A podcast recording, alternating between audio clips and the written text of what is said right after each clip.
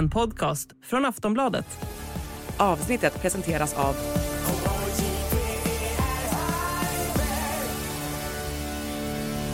Stödlinjen.se, åldersgräns 18 år.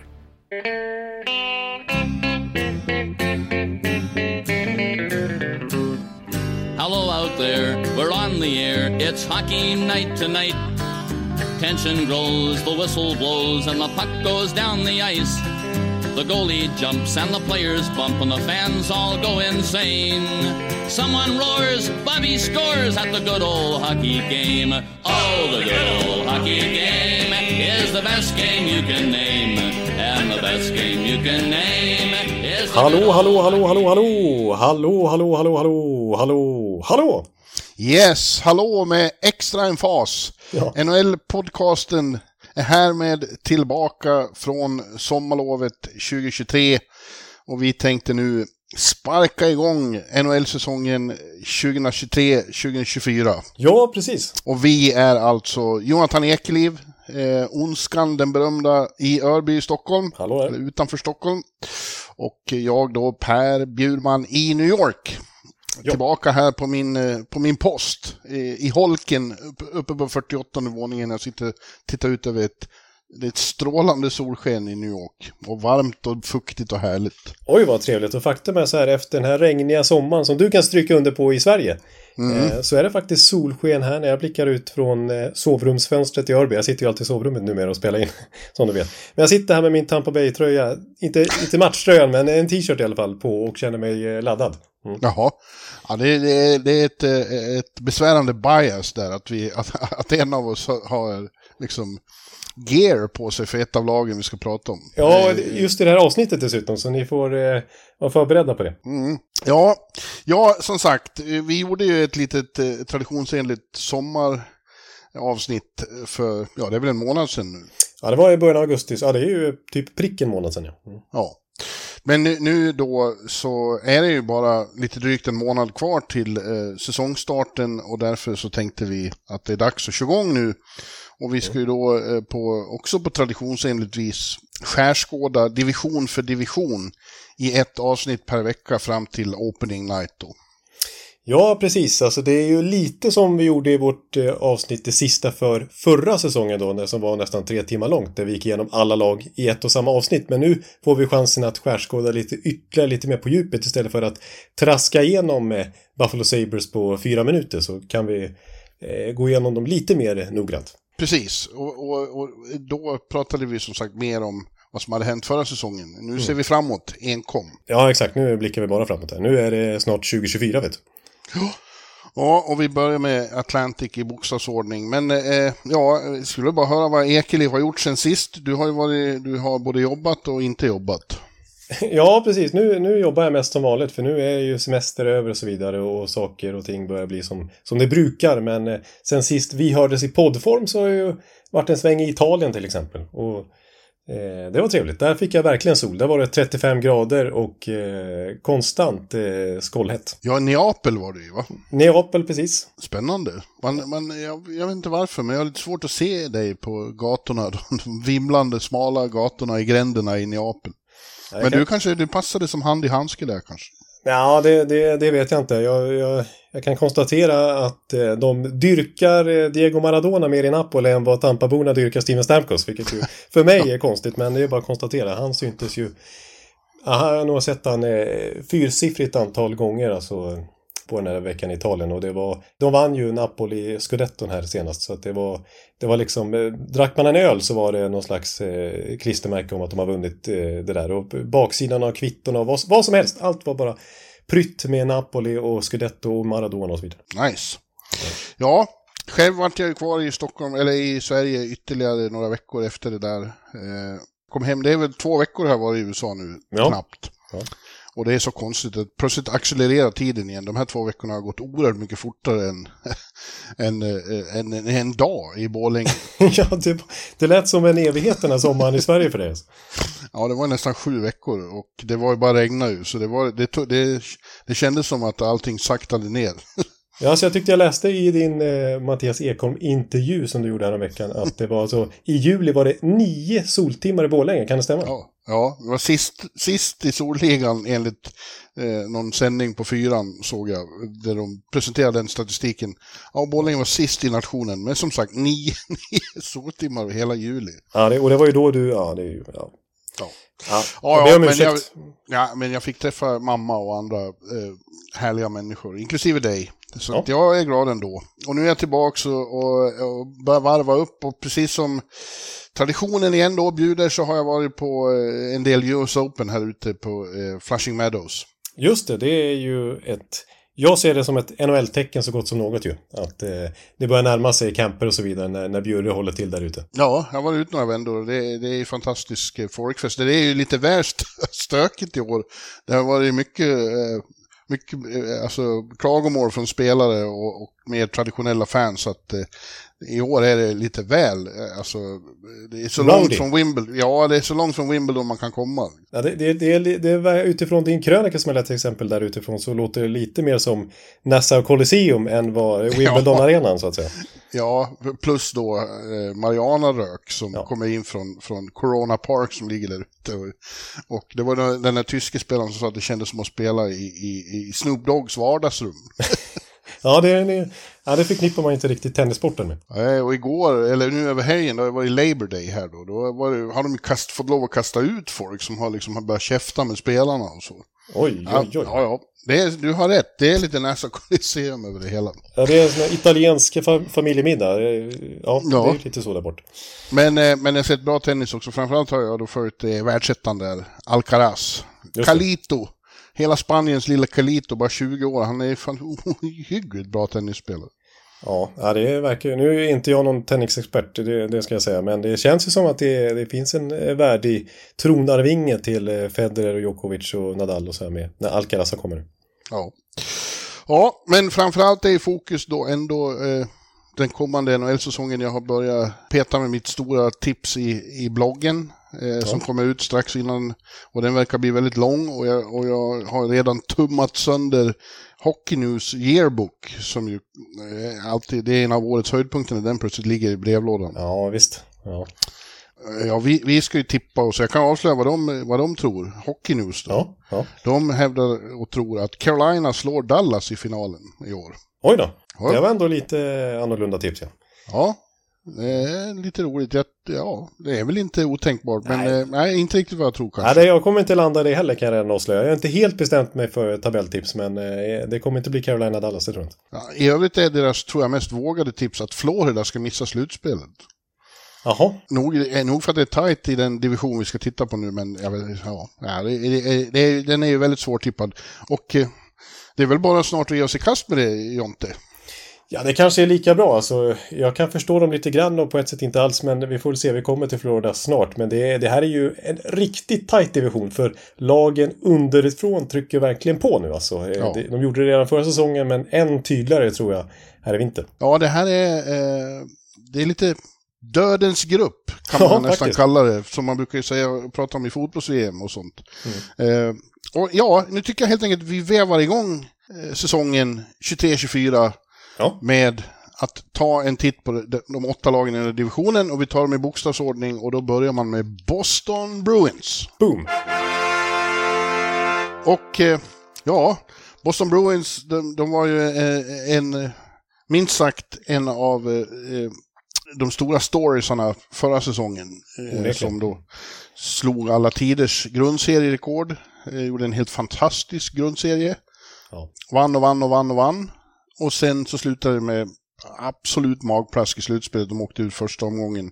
Efter att ha gått upp med, i, i 3-1 ledning mot Florida så förlorade de sen tre raka och blev utslagna. En, en av de stor, större chockarna i, i eh, modern Stanley Cup-historia. Ja, jag trodde att eh, Tampas 0-4 mot Columbus 2019 efter att ha vunnit President's Trophy då, och varit och nosat på rekord i grundserie och så vidare skulle eh, liksom vara eh, tvivelsutan liksom den största chocken på år. Men eh, det dröjde bara något år till så, så var det ju den här Boston. För det är ju, på, det är ju av historiska mått såklart också.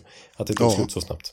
Ja. Och sen har då en eh, sommar följt som väl kan beskrivas som rätt så traumatisk för Boston och Boston-fansen. Ja.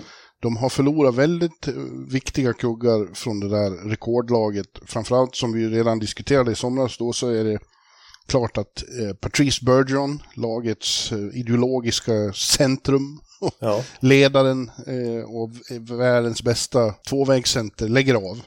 ja, genom tiderna. Ja, ja, det, ja det, kan vi, det kan vi gott säga.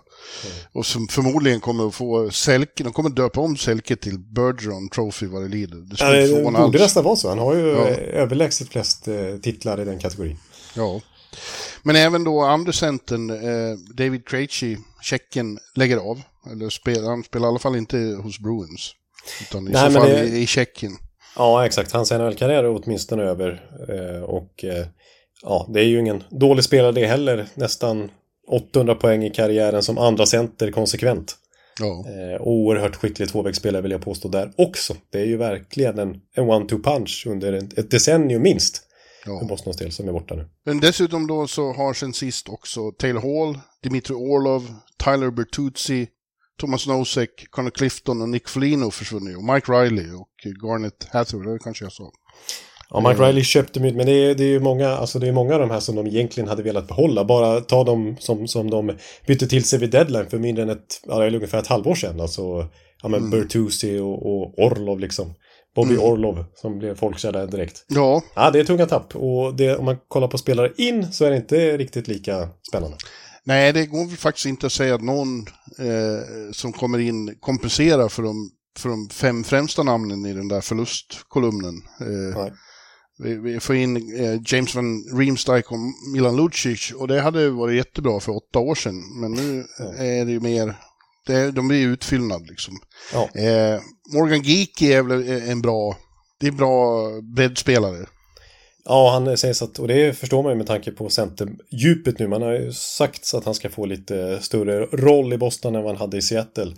Där han var skicklig i deras bottom six liksom. Men eh, ja, det är ju inte, det är ju inte Bergeron Krejci nivå precis. Nej. Och så har vi Patrick Brown och Jesper Bokvist och på backsidan Kevin Shattenkirk och Ian Mitchell. Ja. Och eh, ja, det är ju, det, det är ju ett decimerat Boston Bruins vi, vi ser på här. Eh, jämfört med i fjol. Och framförallt är det ju down the middle på centerpositionen som, som eh, det, det är alltså det är mer än lovligt tunt där. Och det är ingen oviktig position, ingen oviktig lagdel så att säga. Det är ju ryggraden lite grann i laget. Ja. Centerpositionen. Mm. Och man hoppas då att Pavel Sacha och Charlie Coyle framförallt ska kunna ta betydligt större roller. Och, och ja, jag, har tänkt inför den här, eh, eh, vår preview av säsongen, att jag ska försöka låta bli att vara lika säker som förra året eftersom vi eh, då gång på gång fick lektioner om hur, hur, hur svårt det är att veta vad som ska hända. Vi var inte överdrivet positiva till Boston i fjol till exempel. Nej. Just Boston. Mm. Och det är ju ändå så att det, det är inte så att de har blivit ett, ett eh, skitlag. Alltså de har fortfarande Brad Marchand och, och Marchand och David Pasternak och de har en väldigt, väldigt bra backuppställning. Ja, och de har eh, en Och de väldigt, har väldigt bra kanske- målvaktssida. Ja. Ja, de kanske har bästa målvaktsparet i hela ligan och de har en, en väldigt bra coach i Jim Montgomery. Som verkar väldigt uppskattad i laget och som har satt ett spelsystem och inte minst i uppbyggnadsspelet och även strukturen i här. Det är mycket som stämmer för honom. Det var ju stor del i, i att allting funkade förra säsongen också just det. Ja, Jim Montgomerys inpräntade spelsystem. ja. Ja, visserligen då defensivt så är det en liten försvagning även defensivt att framförallt Bergeron försvinner då för eftersom han just är tvåväg Ja. Eh, och väldigt viktig defensivt. Men, men alltså med, med Charlie McAvoy och Hampus Lindholm och, och Brandon Carlo. Eh, vad heter han? Grizzly. Grizzlick ja. Ja, jo, det är mycket konsonanter där att hålla reda på. Ja, och Shattenkirk kommer in, han är ju inte vad han en gång var, men, men eh, alltså i, i ett eh, tredje par så är han ju en, ändå en pålitlig pjäs. Ja, precis. Och komma hem med gammal kapten i Boston University och sådär. Så jag tror han är lite taggad på att få spela i Boston till slut här i NHL-karriären. Ja. Så att, eh, utgångstipset här är ju ändå att de kommer inte att falla ihop fullständigt, men de kommer inte vara lika bra som förra året, rimligen. Nej, det känns inte som att det blir några 130 plus poäng igen, liksom. Alltså att de ska nosa på rekord. Men eh, jag ser dem fortfarande som ett slutspelslag. Det måste jag Ja. säga, trots konkurrens, att konkurrensen hårdnar, vilket vi kommer in på. Men jag har svårt att se att de faktiskt ska ramla under strecket till och med. Att det ska vara ett sådant förfall på Ja. grund av eh, spelartappen här. Det kan ju hända, men det tar emot att liksom komma med ett sånt påstående. Eh, när det finns så mycket bra, när det finns så mycket kvalitet i laget ändå. Men det, är som du säger, alltså, igen, är, vil- vilken, vilken svettig division det här är. alla lag utom ett känns som att de verkligen kan gå till slutspel. Och ha den målsättningen realistiskt också. Ja, ja. Att det känns, fiasko kanske är ett starkt ord, men lite åt, om vi ska pr- prata kvällstidningsspråk då, vi är ju trots allt Sportbladet här. Att det, då, då är det lite, då, då skulle nog många av de här lagen se det som ett fiasko om de missar, även de som var utanför i fjol. Ja, ja, fiasko kanske är hårt, men misslyckande är det är ju målsättningen för, för sju av de här lagen att att gå dit. Ja. Ja, så är det verkligen. Men eh, jag kan eh, stanna lite vid Pavel Sacha då, som de hoppas väldigt mycket på då. Eh, som de skrev nytt kontrakt med redan i januari, så jag tänkte det skulle bli UFA, så att de skulle riskera att tappa ytterligare spelare. Utan, han har ju tänkt nu att på något sätt axla den här centerrollen. Och klara av det. Eh, spelar ju ytterforward ska vi komma ihåg i fjol igen. Succékedja med Pasternak och, och Krejci och gjorde ju då sin klart bästa säsong efter att ha skeppats ganska lättvindligt från New Jersey efter alla år där då. Mot Erik Haula. Eh, men den kedjan var ju kanonbra då kan man säga så här, han gör nästan 60 poäng. Ja men det är såklart för att han fick spela med Pasternak som gjorde 60 mål. Liksom. Och Krejci med sin erfarenhet och la- den här tjeckiska kopplingen såklart också. Men eh, ja, frågan är, det kan ju, om man, man kan ju se det så också att Sacha kanske hade lite inverkan på deras fina säsonger också. Menar, Absolut, det, det där argumentet tycker jag alltid är lite ihåligt, för att man får ju spela med sånt sällskap av en anledning också. Ja, och vi ska komma ihåg att Pasternak, vi, vi förknippar ju honom med den mördande första kedjan. Med, med Bergeron som center ju. Vi får ju tyvärr inte nämna det längre, den mördande. Men i fjol var det ju med Sacha och Krejci han spelade Pasternak och gör då sin klart bästa säsong i karriären. 113 poäng, 61 mål. Liksom 20 fler 5 mot 5 poäng än han någonsin gjort tidigare i karriären med den här omgivningen. Inte med Bergeron och Marchand. Eh, så att Sacha, det var en succévärvning som även lyfte Krejci och Pasternak skulle jag vilja säga. Så det blir spännande att se honom nu ta centerrollen, förmodligen spela, kanske, vi får se, det kanske blir en mördande kedja med Marchand och, och Pasternak. Jo, jag tror i alla fall att han får fortsätta med Pasternak, det har jag svårt att se något annat. Och, och se om han kan explodera till den här första centern som New Jersey trodde att han skulle bli i 2015-draften. Den otroligt starka 2015-draften. Det var ju Eichel och McDavid och så vidare såklart, den är känd för det. Men det var ju väldigt många skickliga spelare i den draften och Sacha gick redan sexa där. Före spelare som Gorenski, Rantanen, Eh, Provorov, Timo Maier till exempel eh, var snäppet under honom där och sen var det ju massa fler. Eh, så att Sacha hölls väldigt högt då. Kraftfull, stark, spelskicklig center. Ah, han kanske blir det lite retroaktivt då. Eh, och förra säsongen var en god indikation på det. Så att Boston hoppas verkligen det och det är inte helt orimligt att hoppas på det tycker jag. Nej. Nej, jag tycker också det blir spännande att se eh, Jesper Bokvist, en annan New Jersey, för detta ju det. Jersey-spelare nu då. Han har ju vissa, tycker jag, framfötterna i Jersey, fast det var trångt där om, om, om eh, platserna. Liksom. Det är det väl i och för sig här med, men nu, har det ju öppnats upp lite där då i mitten, så jag tror att Jespersson är en, en väldigt kreativ och, och, och, och, skicklig spelare när han får liksom utrymme för det. Ja, men jag, Jag tror att- ja.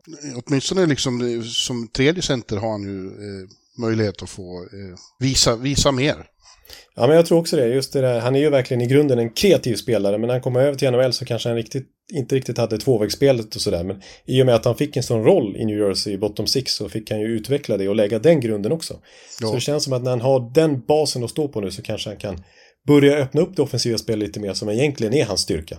Och då kan det finnas en rätt bra NHL-spelare där i Jesper Bokvist som Boston plockar upp. Ja, eh, och kanske är det då det här med att de inte kommer att slå någon rekord igen. Det, och det, det är väl kanske lika bra. Och det är väl, om de nu tar sig till slutspel så, så, så, så är det, det verkar ju vara så att det är bättre att ha haft lite adversity under säsongen Ja. än att komma in som superfavorit som de gjorde. Precis, för här har jag en liten spaning. Eh, vi vet ju alla om President's Trophy-förbannelsen att äh, det skiter sig ju nästan alltid för President's Trophy-vinnarna. Eh, I regel åker de ut tidigt i slutspelet ju. Ja, Eh, har det varit i många år nu. Men då finns det något som jag vill kalla för året efter President's Trophy-välsignelsen. ja det är ju bra. För eh, året efter man har vunnit President's Trophy, då går det bra. Fråga Florida till exempel som alltså gick till final förra säsongen. 2021, då vann Colorado President's Trophy. 2022 vann de Stanley Cup. 2019, då vann Tampa President's Trophy. 2020 och 2021 vann de Stanley Cup. Eh, Vi har, kan backa bandet till Washington Capitals, vann President's Trophy på imponerande sätt 2017. Vann Stanley Cup 2018. Ja, det här är ju spännande. Ja. Så det har varit upprepat i, ja, nästan konsekvent här i 5-6 år. Det finns ju förmodligen fler faktorer än en som spelar in här, men en är ju då att det är bättre att slippa favoritskapet, men också att det föder en väldig revanschlusta säkert. Ja, precis, precis. Och uppenbarligen finns det stor kvalitet i laget. Det är inte så att det rämnas helt över en säsong, utan... Nej. Ja, Ja, det, det ska bli spännande. Jag säger redan från början att eh, av de här sju lagen då som vi, vi tror gör upp om tre eller fyra slutspelsplatser, alla, i princip kan alla gå dit och alla missa också. Det är, Ja. det är min känsla. Så jämnt är det. ja, jag håller helt med dig. Det är små marginaler, skada på någon toppspelare eller sådär som kan förändra dynamiken helt. Ja, ja spännande. Är, man tänker sig väl att, att Boston under resans gång då kanske ska kunna liksom hotta upp laget sen närmare trade deadline, men de har inte mycket utrymme och sånt heller. Och Nej, inte mycket de att har trada mycket- bort liksom. Inte mycket kapital, nej precis. De, Nej. deras, jag såg att The Athletic tror jag rankade deras prospect pool sist eller näst sist i hela NHL. De har inte mycket draftval att spela med med tanke på vad de gjorde av med senast här inför deadline. De har inget första runda val och inget andra runda val, inte ens ett tredje runda val i kommande draft. Eh, och ja, inte mycket talanger och sådär att spela med. Så att, av den anledningen är det svårt för dem att kunna rycka i sådana här centra som skulle kunna, eller som sägs kunna vara tillgängliga. Jag tänker på Mark Scheifele, jag tänker på Elias Lindholm kanske. Eh, Det finns ju centra som man kan kanske kränga till sig, men då, då krävs det ett rejält utbyte och det är ju just det som Boston har problem att kunna erbjuda tror jag. Ja. ja, jag säger inte en, jag tänker inte placera dem någonstans i tabellen. Det, får vi, det kommer vi göra i sista avsnittet, kör vi väl hela... Ja, då får vi köra vårat slut. Nu, nu går vi mest igenom dem och eh, resonerar, men eh, slutgiltiga tipset det, det förbehåller vi oss rätten till att eh, slänga till med vårt sista avsnitt innan säsongen börjar. Ja, tänka mer. Ja, vi behöver det. Ja, det behöver vi. Eh, nästa lag i, i, i kön här då är Buffalo Sabres. Ja, Som i fjol var en enda poäng från slutspelet och bryta sin nu 12 år långa slutspelstorka, den längsta i, i överlägset längsta i ligan. ja. Och eh, ja, jag tycker det är imponerande att se hur, hur eh, lugnt general manager eh, Kevin Adams ändå agerar. Liksom, han har inte gjort mycket under sommaren utan han litar på det här laget som, och jag tror han gör rätt i det. Det, det, det känns ju som de har tagit nya steg varje år och får liksom mogna i, i, i sin egen takt. Ja, precis. Eh, I fjol var det knappt ett enda nyförvärv ju, utan istället verkligen lyfta upp från AHL och deras fina talangbank att utnyttja den och ge dem platser. Eh, Chansen att slå igenom. Och det är lite samma i år. Alltså, vi, på forwardsidan hitt- hittar vi inte mycket nytt. På målvaktssidan är det ju ingenting nytt heller. Eh, förutom Devon Levi som man kan räkna som ett nyförvärv. Han kom in i slutet på förra säsongen och imponerade deras stora Ja. målvaktsprospect prospect då. Eh, vi kan komma in på honom. Men det är väl på backsidan då, nyförvärvsmässigt, som vi hittar några tillskott i alla fall. Ja, det är två namn. Det är Connor Clifton och Eric Johnson då, som kommer in och eh, ger den mycket, mycket eh, begåvade, men kanske då lite unga och orutinerade backuppställningen lite mer erfarenhet och, och kanske liksom lite mer tyngd. Ja. Eh, rutin framförallt kommer de ju med. Precis, för det var väl trots allt defensiven som stjälpte dem i slutändan. För offensiven var det inga fel på. Det är faktiskt så att Buffalo Sabres gjorde ju tredje flest mål i hela ligan förra säsongen. Ja, Det var fler än eh, offensivt extremt potenta lag som New Jersey eller Toronto eller Tampa eller Florida eller vad som helst nästan höll jag på att säga. Det var Boston och Edmonton som gjorde fler mål. Däremot så faktiskt, de släppte in ännu fler mål än vad de gjorde. ja eh, precis. De spelar ju också, det, det är ju ett väldigt offensivt lag eh, Ja. som går till attack. Men visst, eh, eh, till den ekvationen hör ju dock också eh, att det är länge sedan Buffalo hade en riktigt värdig första målvakt. Ja, Och nu, precis som du nämnde då, Devon Levi, känns ju som, som svaret på bönerna där uppe. Alltså de har, om han är så bra som, som eh, insatserna i slutet av förra säsongen indikerar så har de ju sin första målis nu. exakt. Han klev in och vann fem av sina sju första NHL-matcher där ju. Eh, Ja. De sju han fick på sig efter college-säsongen. Där han blev den första någonsin i college-hockeyns historia att utses till bästa målvakt två år i rad. Så att det är ju inte för intet som han klev in och storspelade i NHL. Det, det är en väldigt skicklig, talangfull, hypad målvakt det här. Eh, Så det blir otroligt spännande att se honom. Det brukar ta lite, ett litet tag för målvakter att akklimatisera sig till NHL och den kostymen och de skotten de möter där jämfört med juniorhockey liksom. Eh, Så eh, av den anledningen kanske man ställer för höga krav på honom. Men det känns redan nu som att han är första målvakten då. Och deras stora hopp, framförallt på sikt, att säkra målvaktpositionen. Ja. Ja, jag har ju jag får säga att jag har positiva känslor kring, kring Buffalo. Bland annat just därför att de, de stärks ju med all säkerhet också av, av, av Adams att han visar dem så mycket förtroende, att han visar dem tillit, att jag tror att ni fixar det här grabbar. Och, och har man varit en poäng från slutspel, det, det måste vara frestande att liksom slå till med, ja, nu, nu, nu försöker vi trada till oss en, en, en stjärna som, som eh, hjälper oss med den sista pushen. Liksom. Men ja. han, han motstår de frestelserna och, och, och låter istället, ja, som du sa, på, på forwardsidan har de inte ett enda, enda nytt namn. Nej, det, är, det är Skinner och Thompson och, och Peterka och Alec, eh, eh, vad heter han? Alex... Alex Tack, jag förstår. Tack, tack! Ja, och eh, ja, Jack Quinn är lite skadad nu då. Men det är Mittelstadt och Olofsson och kompani. Eh, Peyton Krebs. Jag, ja. jag, alltså det är så lite som skiljer dem från, från eh, verklig ära och contention. Eller att de ska vara med och slåss. Ja. Eh, nu, jag är lite ringrostig, förlåt mig. Men jag tror, jag, alltså, det skulle förvåna om de inte tar ett steg till. Ja, jag håller med dig. Jag håller med dig. Eh, samtidigt så vill jag lägga in den här lilla eh, brasklapp är väl fel ord kanske, men eh, jag har lite ägarnytta att prata om här. Jag vet att vissa, eller jag vet inte vad riktigt vad ni tycker om ägarprat, om det blir för nördigt eller om ni gillar det. Eh, men, det, är ingen, det är ingen som kan svara Jonathan. Nej, precis. Det är bara du som kan svara. Ni får höra av er om ni tycker att det är tråkigt eller om det är intressant. Men eh, vi har ju pratat mycket om Pegulas genom åren, du vet. Ja. De tog ju, det sammanföll ju den här eh, enorma slutspelstorkan med att de tog över 2011. De har ju aldrig gått till slutspel sedan dess. Och ja, de äger fortfarande klubben. Men nu är det ju lite intressanta nyheter här på slutet att Eh, de har upplöst sitt företag, vad heter det, Pigula Sports and Entertainment eller något sånt där, som har varit en paraplyorganisation över deras, alla deras klubbar där. De äger ju även Buffalo Bills till exempel, NFL-laget som är väl deras stora kronjuvel egentligen. Mm. Eh, och att klubbarna ska skötas separat nu istället. Och det här har vissa tolkat som att de kanske är på väg att sälja Sabres, vi får se. För att Buffalo Bills, eh, de ska bygga en ny arena och den arenan kostar mer än vad hela Buffalo Sabres är värda. Så det kommer krävas kapital.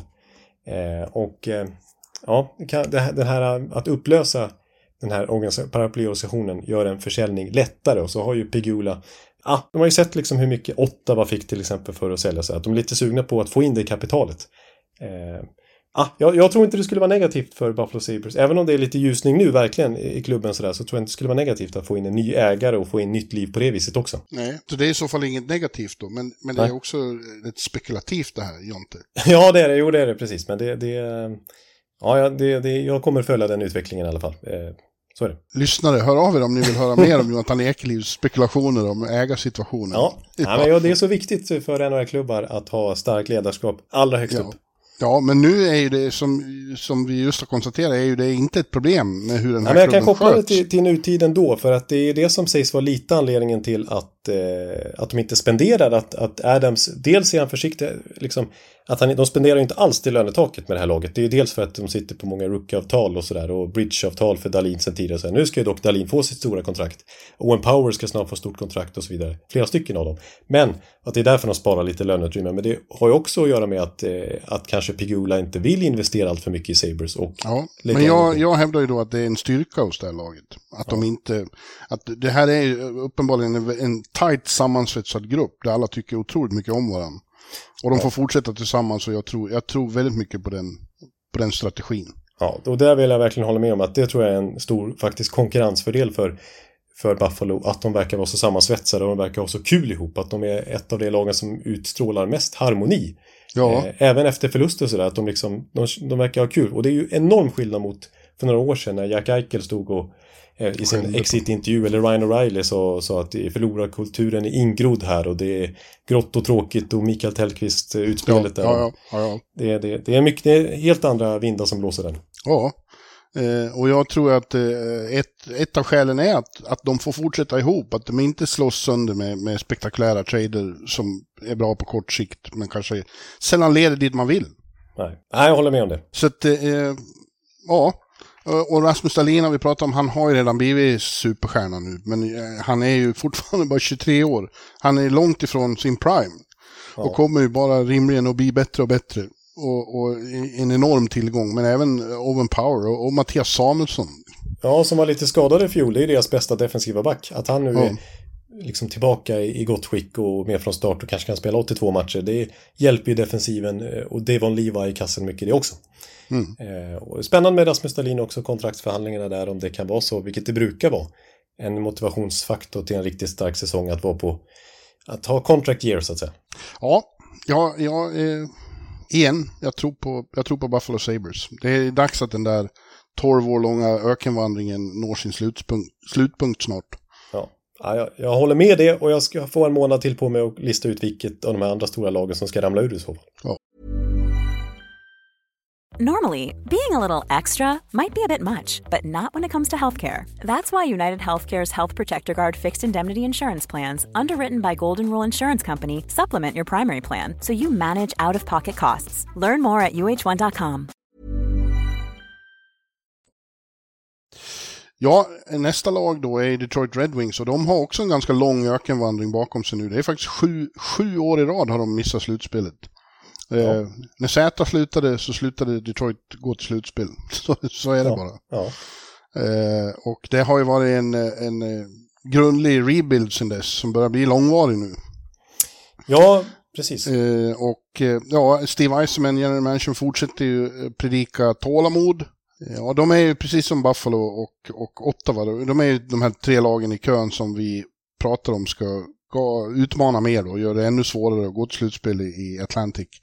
Av de tre lagen så tycker jag att, att Detroit är de som känns minst hotfulla, om du förstår vad jag menar. Jag tycker att Buffalo och Ottawa ligger lite före dem i, i, i, i, i den utvecklingen.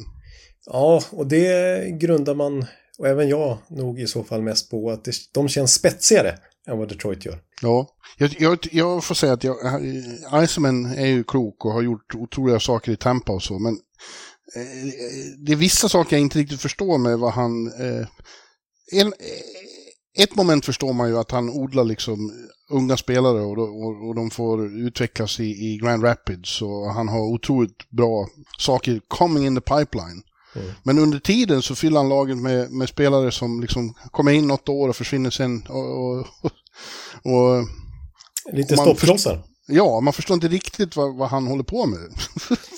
Nej, men vi, ja, det är väl bara att fortsätta ta vid där vi höll på eh, i, eh, i sista podden när vi gick igenom alla lag där i juli. Att vi kan ju inte riktigt förstå varför han ska ha in Justin Hall på tre år. Nej. Ganska saftigt till exempel. Var en, liksom, ytterligare försvåra för en sån som Simon Edvinsson som har mycket större uppsida till exempel. Ja, och Shane Ghost Bear som också börjar bli liksom litet i åren. Ja, jag gillar Augustus Spear på ett år, det tycker jag är mer rimligt. Då, då är, men just eh, treårskontrakt... Men han har ju blivit en sån här journeyman. Som Ja, liksom, eh, ett år här och ett år där. Det, det, det indikerar ju att han inte liksom är...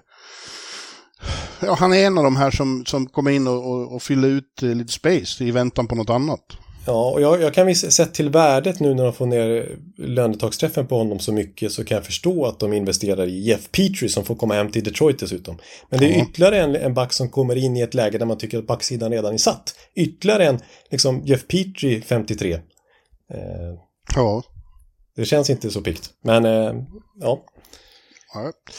Eh, annars är det spännande här då att eh, Alex DeBrincat som inte, gjorde, inte hade någon framgångar alls i Ottawa kommer hit istället. Och de byter Kubalik mot DeBrincat i princip. Två gamla Chicago... Eh, skyttekungen. ja, precis. Det här diskuterade vi redan i somras då. Du var ju tveksam till DeBrincat. Jag tror att kanske om han får liksom ett, ja, en, en nytändning här så kan han ju vara... Eh, Ja, men till DeBrincat var jag inte så tveksam. Jag var mer tveksam till Tarasenko i Ottawa som blir DeBrincats ersättare där lite grann. Jag, jag, jag tror nog att DeBrincat kan lyckas i Detroit och han förenas med sin eh, Michigan-polare där, Dylan Larkin liksom. Eh, Ja, den första kedjan med honom och Lark, eh, de två och Lucas Raymond, det, det, det känns som en väldigt bra kedja. Ja, precis. Så, ja, eh, bredden överhuvudtaget, det är ju inte, det är liksom, det betyder, alltså det jag får det till 11 nyförvärv på envägskontrakt som Iceman har gjort det, så det är väldigt mycket nytt. Ja, och väldigt många som försvinner också då, vilket Ja. ju eh, eh, kopplas ihop med det här jag pratar om, att det är liksom så, det byts så mycket folk där hela tiden i väntan på det som ska komma någon gång. Ja, precis. För jag tycker samtidigt som du säger, Iceman, eh, tålamod och the Icer plan liksom. Att kom igen nu, liksom, vi håller på att bygga någonting och det ska bli bra. Men nu tycker jag de sena, två senaste åren att han har varit, visat tecken på lite desperation. Och börjat hatta och, och hålla på lite för mycket hit och dit liksom för att han Ja, det kanske är det man... Ja, han, det, på något vis känns det som att han inte riktigt tror på de här talangerna han har. Nej. Nej, för de har ju haft, det var jag inne på i somras också, att jag, jag kan hålla med om att de har haft lite, skulle inte han säga uttryckligen, men jag kan tycka att de har haft lite otur i draften. Visst, de har fått Moritz Heider, de har fått Lucas Raymond, det är ju jättebra, men de har ju trots allt tagit minst poäng i hela NHL under de här sju åren och ändå inte fått drafta högre än fyra. De har inte fått chansen att ta en Rasmus Dahlin etta eller en Jack Hughes etta eller eh, Connor Bedard etta här, trots att de har haft väldigt höga odds, eller vad säger man, låga odds, nej, höga odds blir det ju, i draftlotteriet och gått, liksom dragit nitlott hela tiden. Så de hade kunnat haft mycket bättre förutsättningar med turen på sin sida. Men det har de inte riktigt haft. Eh, de har inte riktigt fått den utväxlingen de hoppades på av rebuilden. Och nu börjar liksom Iceman känna i Hockeytown där att det går inte att missa slutspel liksom upp, uppemot tio år i rad. Nu, nu måste han börja investera. Ja, men jag tycker också att det kanske är dags att visa, visa de här kidsen lite mer förtroende.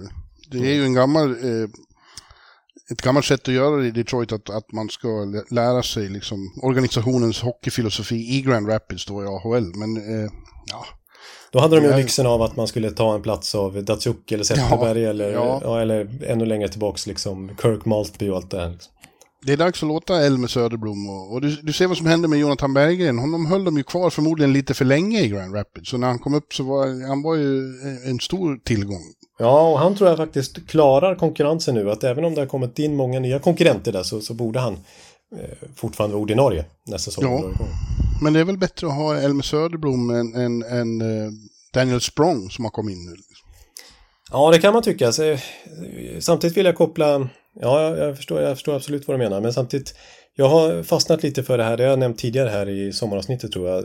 Icemans utspel här om att, apropå bristen kanske på lite spets, även om han får in Alex DeBrinket som har dubbla 40 målsäsonger i karriären och är ung och utvecklingsbar fortfarande.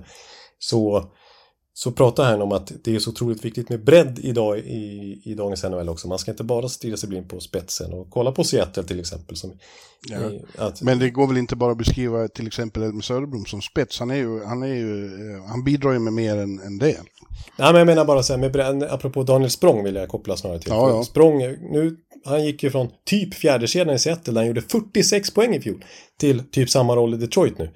Alltså det är ju, det är ju ett väldigt brett lag det här Detroit-laget vill jag ändå säga. Jag skulle vilja påstå att i den här Atlantic-konkurrensen så är Detroits bottom six, ja det är slutspelsmässigt definitivt jämfört med de andra lagen.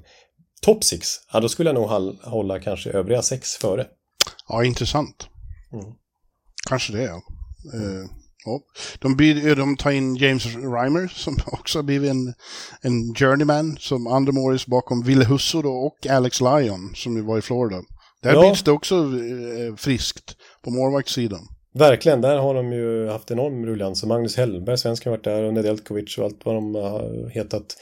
Ja, och jag undrar lite också där, Alex Lyon får ju faktiskt envägskontrakt han med, så det är tre keeprar på envägskontrakt. Så det är lite speciell situation. Ja.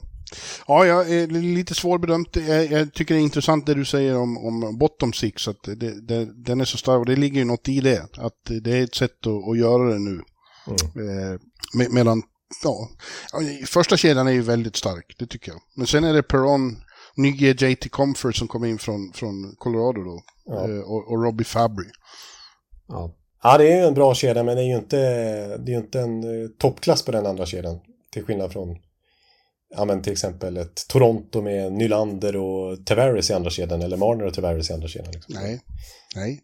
Nej, jag tror ju, eh, men jag håller alla dörrar öppna. Jag tänker inte vara så tvärsäker om något, men just på förhand så tycker jag ändå det känns som Detroit är de som av lagen i kön, eh, jämfört med Ottawa och Buffalo så tycker jag de är lite, lite bakom dem.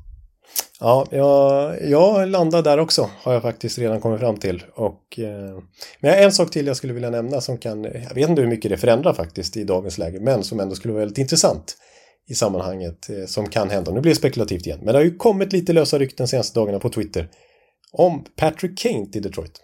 Ja, men det, det går rykten om Patrick Kane till alla möjliga håll och kanter. Hör du.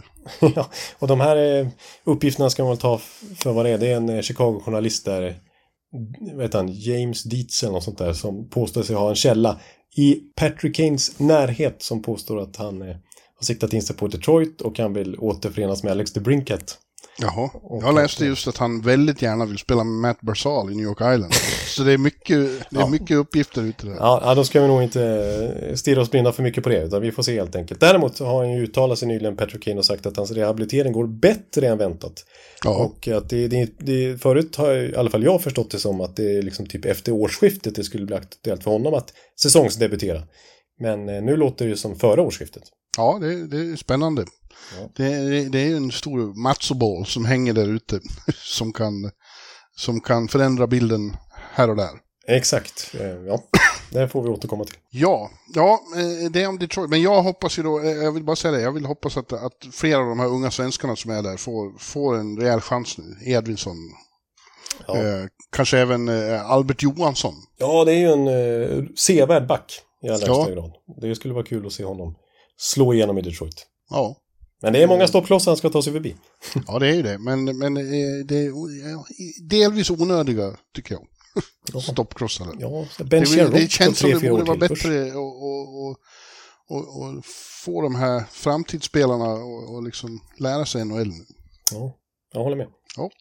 Ja, sen har vi då Florida Panthers som eh, Hockey News lite chockartat eh, skickar ner på sjätte plats i, i divisionen. Oj, eh, oj. Mm. Ja, det, de, alltså deras, eh, deras Atlantic prediction är följande.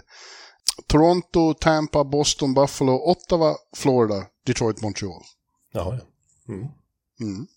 Ja, eh, som sagt, det, Det, så kan det bli- sluta. Ja. Ja, det kan, alltså det är inte hundra Tampa och Toronto tar sig till slutspel heller. Nej, nej, nej. När vi kommer in på Tampa så kan jag redan nu säga att jag tror att en, liksom, det, man kan säga så här, Niki, liksom, Tampa har inte råd med att Nikita Kutjerov är borta en hel säsong igen. Så, Nej. alltså den bredden har de inte längre. Så att en- en skada på en nyckelspelare i Tampa, ja då är visst, då är de verkligen indragna i streckstrid. Ja.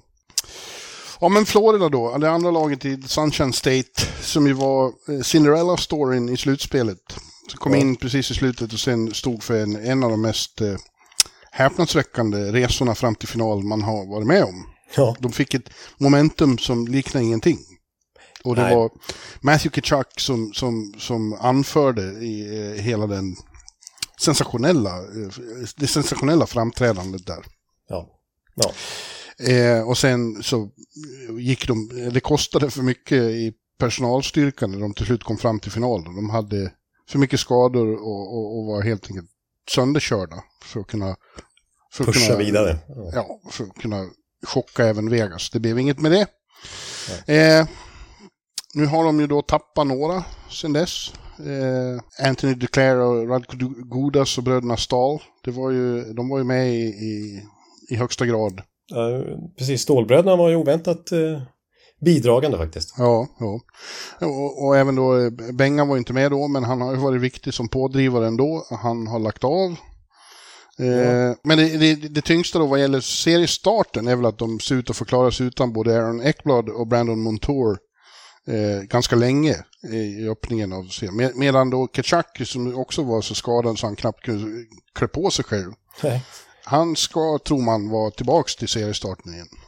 Ja, jag tycker jag har hört av Bill Cito här eh, senaste veckan att eh, det går rätt bra faktiskt för både Montour och Ekblad. Eh, och när vi kommer in på nyförvärven så har de verkligen stärkt upp backsidan för att vara redo för att eh, ha dem på skadelistan ett tag. Men nu låter det som att det kanske bara är en månad eller eh, till och med bara några matcher som åtminstone någon av dem missar inledningsvis. Så att det inte blir så stort tapp som de har förväntat sig. Nej. Ja, nej. Andra som har kommit in är då Evan Rodriguez. Mm. Oliver Ekman Larsson som blev utköpt av, av, av Vancouver. Fick ett ettårskontrakt med Florida. Eh, svenska Kevin Stenlund. Som har varit i Columbus först och Winnipeg sen. Eh, och Steve Lawrence, ett annat namn. Och Mikko Mikkola som var i eh, Rangers efter han kom dit från St. Louis. och var en väldigt stabil defensiv back. Mm. Och eh, Kulikov kommer in också. Ja, och Mike Riley är ytterligare en utköpt spelare som de tar in. Just det. Och grejen är ju med Sito att han är ju väldigt bra på att identifiera eh, spelare som passar bra in i hans eh, pussel. Exakt, det finns ju otaliga sådana. Det finns ju många vi har pratat mycket om. Alltså, och ofta är det ju sådana här som är lite Ja, men lite, vad säger man, leftovers i andra lag. Ja. Som eh, de inte har något problem att släppa. Till och med waiver claims kan det vara. Och sen så får de det stora lyftet verkligen i Florida. Ja. Han var väl i Columbus, visst var det så? Sito?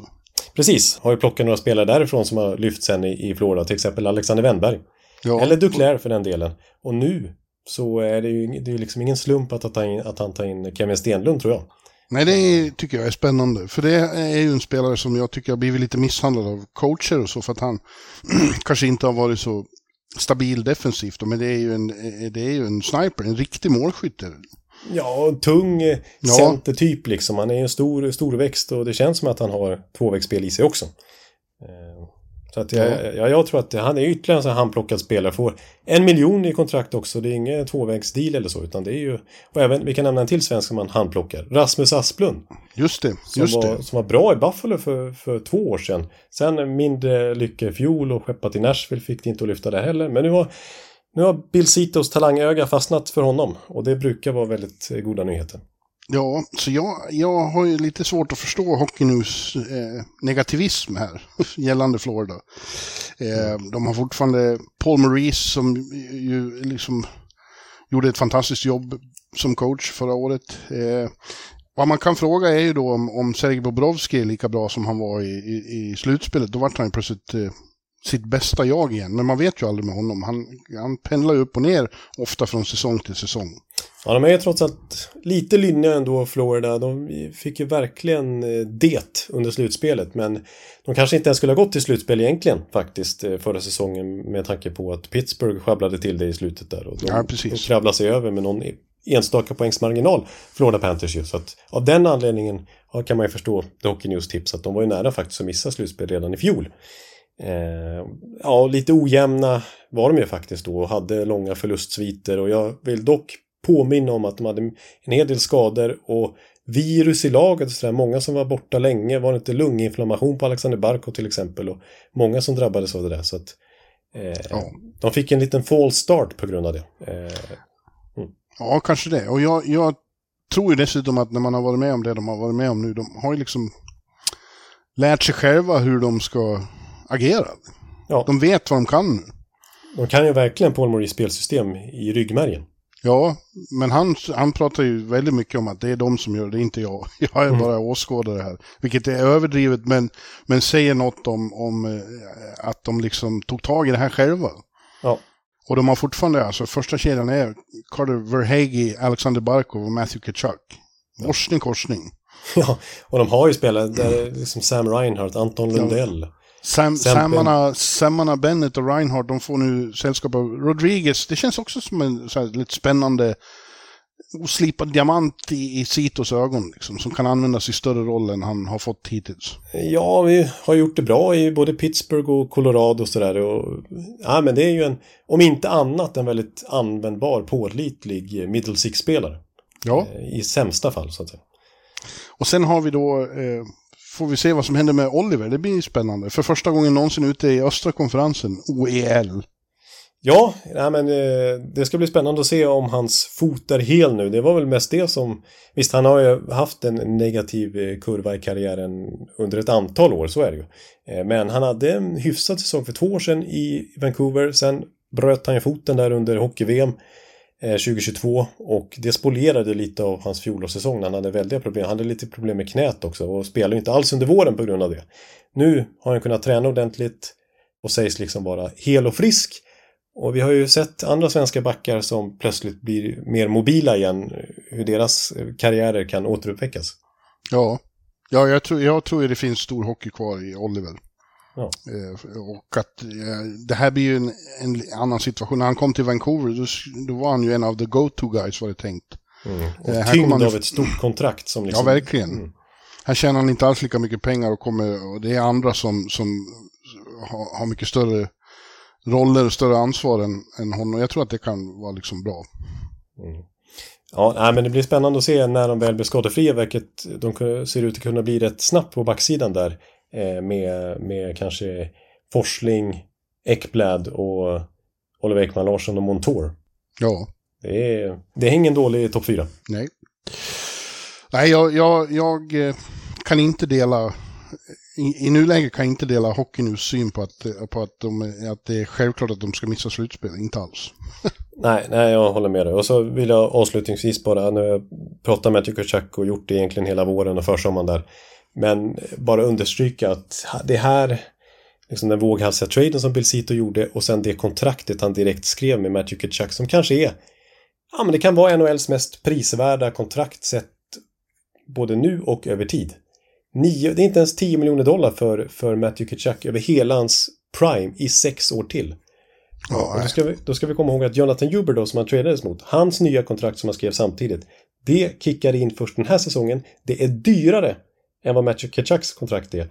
Det är alltså 10,5 miljoner dollar för Huber då i åtta år. Och han är fem år äldre och gjorde hälften av Matthew Kitchaks poäng förra säsongen.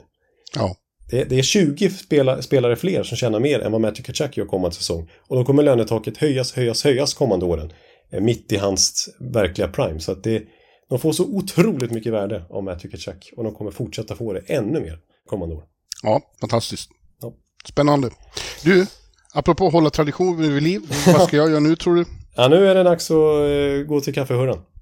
Yes, indeed. Jag hade en stor kopp här, men den är redan tömd. Ja, men det så nu går jag och hämtar en till. För, kan du, du kan väl prata lite mer om Bobrovski, vad du tror om honom. Jag kommer tillbaka. Ja. Ja, ja Bobrovski, det är väl en oklarhet där. Inför förra säsongen så kommer jag ihåg att eh, jag trodde att han inte ens skulle vara första målvakt längre i Florida utan att eh, det skulle bli Spencer Knight.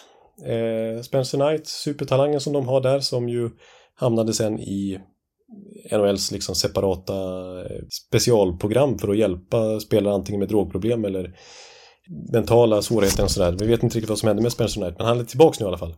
Eh, om... Och det är jag också. Ja, det är du också. eh, Alltså vi får se. För då kallade vi Bobrovski för Bobrövski nästan för att han var så svajig ju. Och, och trodde att Knight skulle ta över. Sen så visade Bobrovski verkligen i slutspelet att han är tillbaka. Så vi får se. Han är lynnig. Vi vet inte vem, vem han vem han är riktigt eh, och vem han kommer vara den kommande säsongen. Och Spencer Knight vet vi inte riktigt vem han kommer vara när han kommer tillbaka nu heller. Nej. Vi får se. Eh, ja, eh, då tar vi en titt på Montreal Canadiens då. Ja. Som var sist i Atlantic förra året och det skulle väl förvåna om de inte blir i år också. Eh, ja. De blir bättre, de är ju i en, ganska kraftig rebuild och har varit ett tag. Ja. Eh, det var ju en, en väldigt underlig historia att de gick till final 21. Mm. Men eh, känns ju som den eh, rebuilden går på precis rätt sätt. De kommer att bli lite bättre men det kommer inte vara tillräckligt för att hävda sig i den här dödens grupp. Nej, precis. Och det känns som det enda av de här åtta lagen som inte riktigt har ambitionsnivån att gå till slutspel heller. Det är klart de kommer säga det inför, men det här kan vi verkligen inte prata fiasko om de missar. Nej, nej precis. Nej, eh, verkligen. De har väldigt fina unga forwards som säkert eh, eh förkovras ännu mer den här säsongen. Eh, framförallt Cole Cofield, vi har... Nick Suzuki. Ja, Nick Suzuki. Slavkovski som eh, kom in häromåret som draft 1 va? Ja, precis. Det blir ju jättespännande att se Slavkovski år två efter ett lite misslyckat och skadefyllt år ett. Ja. Ja, och så har de lite mer rutiner, alltså Josh Anderson och Sean Monahan och, och Brandon Gallagher, gamla trotjänaren. Ja. Eh, på backsidan däremot ser det väldigt, väldigt eh, tunt ut. Ja, de har väl lite förhoppningar där också på en sån som Justin Barron och några till och sådär, men eh, det är väl inte... Det är för tidigt. Det är för tidigt, ja. Mm. ja. Eh, och sen är det, eh, målvaktssidan det har ju liksom, eh, sen Carey Price, mer eller mindre, han har väl, kan man väl säga, försvunnit nu. Ja, precis. Han har inte officiellt lagt av eller så, men han bor ju inte ens i Montreal som var inne på i sommarpodden, utan han har nu flyttat alltså till British Columbia, till andra sidan Kanada och ja. Eh, håller till där istället. Så att det är en indikation som god som någon. Men äh, Sam Monten... Ja. Ja, det här är nu kommer det. Sam Montenbow säger de kanske. Ja. Var ju faktiskt riktigt bra förra året. Det känns som att man har fått fram, kanske inte en ny Carey Price, men en ny riktigt habil Morris har de. Eh, ja, och sen har de, tagit, har de tagit in Casey Smith också som ska uh, hjälpa Jake Allen och täcka upp då som ja. Uh, ja, backup. Ja. Nej, men jag, jag tycker så här att uh, ja, jag är ändå imponerad av både Kent Hughes och Jeff Gorton här under deras ett och ett halvt år i klubben hur de ändå har orkestrerat den här rebuilden. De är långt ifrån klara men jag tycker de har gjort det väldigt bra sett till förutsättningarna de tog över. Eh, de har inte lyft i tabellen, de är fortfarande, då var de liksom tredje sist tror jag när, när Bergevin fick sparken. Och de är väl typ tredje sist nu också. Men eh, de har lyckats bli av med väldigt jobbiga tunga kontrakt, eh, långa kontrakt och sådär. Eh, alltså Jeff Petrie till exempel här nu, eh, Mike Hoffman blev de, lyckas de bli av med. Eh, Shea Webber, även om han inte han skulle spela så var det en tung lönepost som de har lyckats skeppa iväg. Totalt sett under de här eh, ett och ett halvt åren. De har faktiskt gjort 21 trader på 19 månader, alltså eh, mer än en i månaden i snitt. Så de har varit aktiva. Eh, men så har de lyckats sänka sina lönetaksträffskostnad så att säga med 6 miljoner dollar. De har fått in 10 draftval mer än vad de har skeppat iväg. Och de har blivit av med med väldigt många långa jobbiga kontrakt. Så att, och fyllt på och har nu en av de bästa prospect-poolarna kan man säga så. Talangbankarna i ligan. Så att de har verkligen, från en väldigt, väldigt, väldigt svår situation har de vänt det till en till att kunna se på framtiden med tillförsikt. Och jag tycker också att vi ska nämna tränarrekryteringen de gjorde i fjol med Marty Saint-Louis som också känns Ja. väldigt rätt. Så att det eh, betyder Ja, det var inte i fjol, det var ju förfjol. Ja, förfjol han, med. han kom ju in, eh, för, förra säsongen var första hela säsongen. Ja, ja, precis. Och han känns ju som någon som är väldigt bra på att utveckla de här unga killarna. Och därför, därför ska ingen vara förvånad om de har sekvenser under grundserien när det går riktigt bra. Tror jag. Ja, ja men till, ta en sån som Cole Caulfield som var helt i scratch eller till och med ner i AH AHL en period under St. Louis företrädare Ducharme där. Eh, Ja. Nu är ju Cole Caulfield en ledande, bärande, kanske 40-målsskytt kommande säsong, jag vet. Men nu, nu är han ju en riktig nyckelpjäs här för Montreal. Redan Ja. nu. Martin St. Louis förstår liksom var de befinner sig någonstans och, och vad uppdraget består i. Och, och göra riktiga NHL-proffs av de här unga killarna. Och, och han är inte rädd för att låta dem få mycket tid och förtroende. Nej, precis. Nej, så jag tycker nog att... Eh, jag tycker ändå Montreal verkligen är på, på rätt väg, men kommer sluta sist i divisionen för den skull. Ja, och bara nu Jeff Gorton inte är lika, lika trög som han var när han var i New York, för då drog han ut på, på, på den här rebuilden lite för länge. Man får ju veta när det är dags att trycka på avtryckaren också, inte bara liksom låta det såsa på. Nej, precis. För där gjorde han ju, precis som han gjort i Montreal nu, kanske, fast kanske ännu mer lyckosamt i, i Rangers då, att själva orkestreringen av rebuilden, att gå från att satsa till att bygga om, det löste han ju väldigt bra. Och, och eh, kratta verkligen manegen för Chris Drurysen. Men han själv hade kanske inte tryckt på gasen när det behövdes, så som Drury kom in och gjorde. Eh, Och det måste de till slut göra i Montreal. Men jag tycker inte det är läge än. Nej, Eh, det är utan det är Han, har fortsatt- mer tid, han har mer tid på sig där. Det är fortfarande verkligen Jeff Gorton-läge här att fortsätta bygga nytt, så att säga. Yes. Ja, eh, grannklubben om man får säga så, fast det är hyggligt långt mellan Ottawa och Montreal. Men där har vi då Ottawa Senators. Ja, Eh, som, eh, ja, vi har redan nämnt det, de är ju ett av lagen i... Äh, vänta, vänta, vänta, vänta, det var en sak till jag skulle säga om Montreal. ja, ja. ja, ja. Eh, det, det har ju varit väldigt ont om svenskar där eh, de senaste åren. Ja. Men nu har vi i alla fall två som eh, har kommit dit och, och Lias får ju en ny chans i, i Montreal, Lias Andersson.